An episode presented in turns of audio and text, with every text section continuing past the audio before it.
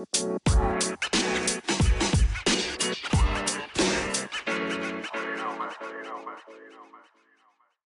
kembali lagi di Lo Lagi Podcast sama gue Arif. Kali ini gue sendirian karena biasanya gue sama Jojo kondisinya sekarang lagi berada di rumahnya masing-masing. Kita dalam konsep di rumah aja dalam menghadapi pandemi virus corona. Di podcast ini gue mau sharing tentang hal-hal apa aja sih yang bisa kita lakuin selama kita di rumah aja ini. Sehingga nanti setelah kita keluar dari rumah kembali ke kehidupan sosial kita kembali ke kantor kita menjadi pribadi yang lebih baik kondisi yang lebih baik secara mentali maupun secara fisikal. Hal-hal ini gue tujukan buat kalian teman-teman yang bingung mau ngapain di rumah. Buat teman-teman yang bosan untuk rebahan di rumah bosan untuk nonton film bosan nonton TV udah bosen mau ngobrol apa lagi bersama keluarga. Bosen juga ngeliat tembok yang warnanya itu itu aja. So kita mulai.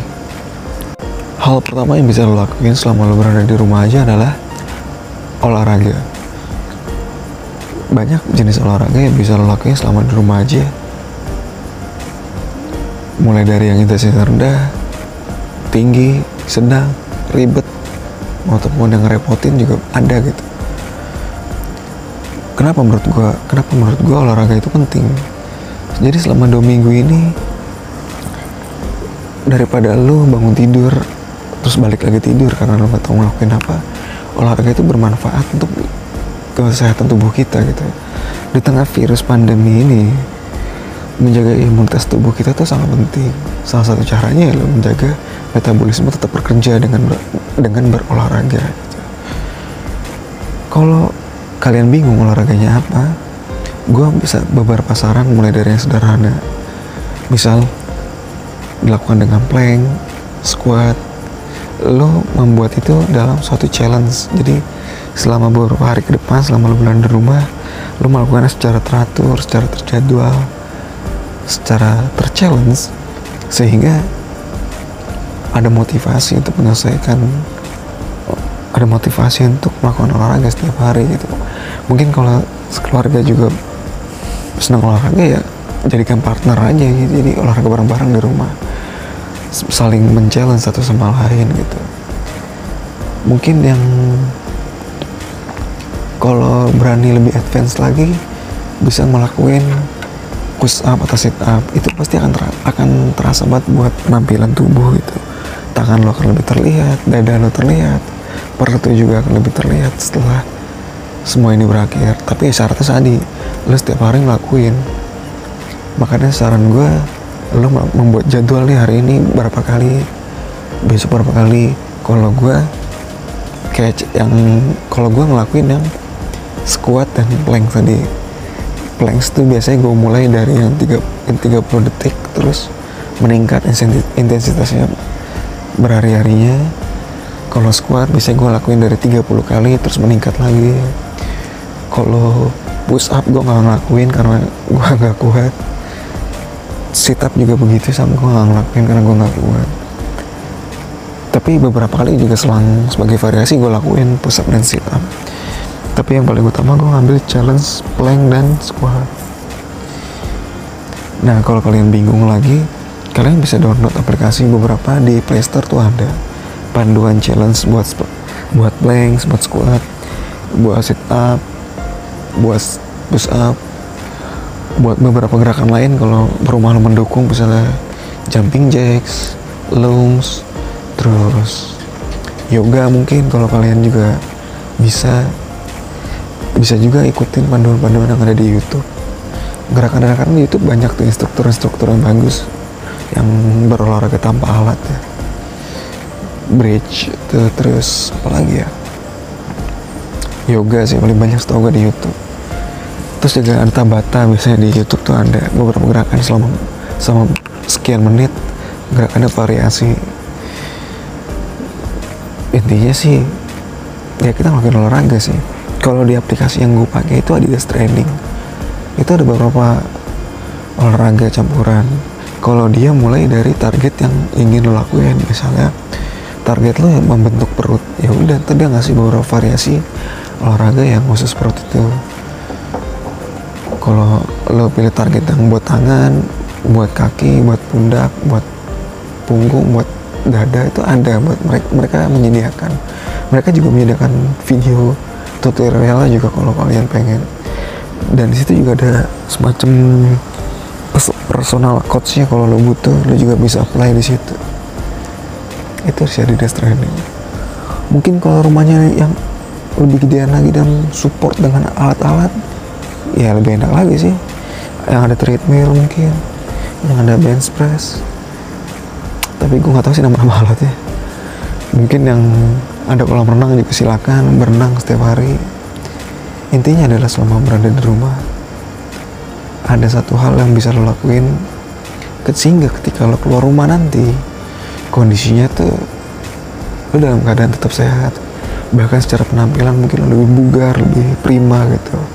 Ketika lo kembali ke dunia kerja nanti lo lebih kuat dalam menghadapi pekerjaan lo. Lebih tidak mudah lelah. Itu sih manfaat olahraga selama di rumah. Aktivitas kedua yang menurut gue bisa lo lakuin adalah lo beribadah beribadah itu mumpung kesibukan lo lagi rendah-rendahnya karena lo berada di rumah lo nggak ada alasan untuk mengurangi ibadah lo. Untuk yang non muslim untuk lo yang muslim lo jangan sampai kehilangan lima waktu lima waktu lo kan lo berada di rumah. Mungkin memang kita lagi nggak bisa ke masjid karena kan jamaah harus dikurangi. Tapi di rumah itu lu bisa mendapatkan hal yang lebih private lu bisa berdoa seintim lu dengan Tuhan lu. Lu bisa nambah jam sholat kalau lu mau mungkin jam-jam yang biasanya selama ini terlewat seperti sholat duha, sholat tahajud bahkan sholat subuh lu bisa lu bisa ngelakuin itu semua dengan sempurna. Dua minggu ke depan ini ibadah lo bisa lo perbaiki. Terlebih lagi di dua minggu setelah ini juga akan masuk ke bulan Ramadan di mana intensitas ibadah kita harus semakin meningkat lagi pahalanya semakin tinggi lagi. Mungkin yang karena kita juga nggak berada di luar lu bisa menambah ibadah lu yang berpuasa Senin Kamis. Jadi dua minggu ke depan ini jangan sampai lu sia-siakan untuk memperbaiki ibadah-ibadah lo yang mungkin selama ini kurang. Ini juga buat reminder buat gue pribadi karena gue pribadi juga masih ada yang kurang dalam beberapa hal untuk beribadah. Untuk yang non muslim mungkin yang biasanya berkumpul di tempat ibadah bisa balik lagi berada di rumah. Itu tadi poinnya mungkin dengan berada di rumah kita bisa lebih intim dengan Tuhan kita bisa berdoa lebih dalam berdoa lebih keras bisa berdoa tanpa mengenal waktu. Mungkin juga bisa berdoa bersama-sama dengan keluarga doa yang paling utama sekarang ya segera corona yang cepat berakhir. Dan kita beraktivitas normal. Ibadah lainnya mungkin memperbaiki hubungan kita dengan orang tua. Banyak hal-hal baik yang selama ini mungkin terlewat. Ngobrol dengan orang tua itu jadi ibadah tersendiri buat gue pribadi. Itu sih jadi dua minggu ke depan setidaknya ibadah kita bisa jadi lebih baik lagi yang ketiga ini mungkin paling paling berat. Yaitu gue nyebutnya berkreatif. Jadi di tengah kegabutan lo berada di rumah lo banyak hal yang mungkin bisa lo lakuin. Misal kalau lo yang senang makan lo bisa belajar masak.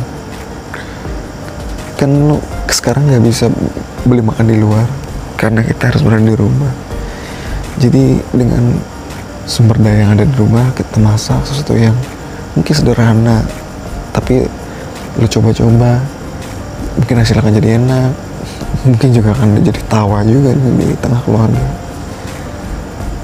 Itu tadi masak. Mungkin juga tadi nyambung lagi olahraga. Mungkin yang tadinya belum bisa plank dengan sempurna squat dengan sempurna push up push up dengan sempurna. Mungkin bisa dengan dua minggu ke depan ini bisa jadi sempurna. Mungkin yang senang belajar bisa download beberapa aplikasi online. Kan ada tuh yang untuk belajar. Misalnya belajar tutorial something di YouTube atau belajar bahasa Inggris. Kalau dulu gue di tengah ke nganggurnya gue sebelum kerja itu gue sering belajar TOEFL. Sering belajar bahasa Inggris. Itu ada beberapa aplikasi yang bagus di Play Store selain bahasa Inggris waktu pertama kali kerja gue juga belajar bahasa Jepang. Di dua gue pakai Duolingo. Itu ada beberapa bahasa yang menurut gue menarik sih. Ya mungkin gak akan perfect cuman at least kita tahu lah. Mungkin yang hobi nyanyi bisa belajar nyanyi di rumah. Bisa ma di saat mandi bisa nyanyi lebih keras. Di kamar bisa nyanyi lebih keras. Apalagi mungkin yang biasa yang suka keteknikan bisa otak atik motor motor sendiri ya jangan motor tetangga. Jadi setelah dua minggu ini banyak lo kan punya skill baru gitu setelah keluar. Mungkin setelah dua minggu ini selesai ya mudah-mudahan cuma dua minggu. Terus kita jalan-jalan lo yang punya masak akhirnya pengen masakin buat teman-teman lo. Yang tadi belajar motor langsung ngajakin touring terus bangkelan bisa otak atik motor temennya atau mungkin yang punya kemampuan tadi belajar bahasa jadi punya kesempatan baru di dunia kerja. Atau ya untuk keperluan kerja lo bisa belajar, bisa belajar Microsoft mungkin lebih dalam. Excel, PowerPoint, Words untuk yang menghadapi ujian bisa belajar lebih dalam sidang, kuliah. Jadi dimanfaatin waktu dua minggu di rumah ini untuk berkreatif seotodidak mungkin. Kalau gue pribadi gue lagi belajar otak atik video editing di handphone. Karena gue cuman megang pengen pengen pengen pengen pengennya megang handphone aja. Video editing sama nih audio editing. Nggak tahu nih hasil audionya gimana. Cuman itu tadi intinya adalah kita ngisi waktu dengan berkreatif. Gue biasanya bangun jam 5 terus berangkat kerja ini bingung udah bangun setelah setelah sholat subuh bingung mau ngapain. Daripada gue pakai untuk tidur lagi ya mendingan tadi gue pakai buat belajar gue juga isinya dengan game gue biasa nggak nggak ngerti ngegame. Gue main Mobile Legends sekarang udah Grandmaster. Sebelumnya gue masih Warrior. Sekarang di rumah aja langsung Master gue langsung Grandmaster. Gue harus target gue langsung Mythic ini terus apa lagi ya? Berkreatif tuh banyak sih pasti. Gue yakin lo juga pasti banyak kepikiran soal bidangnya masing-masing. Yang seneng gambar mungkin yang biasanya gambar konvensional bisa jadi seneng gambar di software. Kemarin gue lihat di beberapa akun Twitter tuh ada yang posting hasil hand made gambarnya mereka. Hmm, mungkin yang senang jahit bisa menjahit. Apalagi ya? Banyak sih hal-hal kreatif yang mungkin bisa lakuin di rumah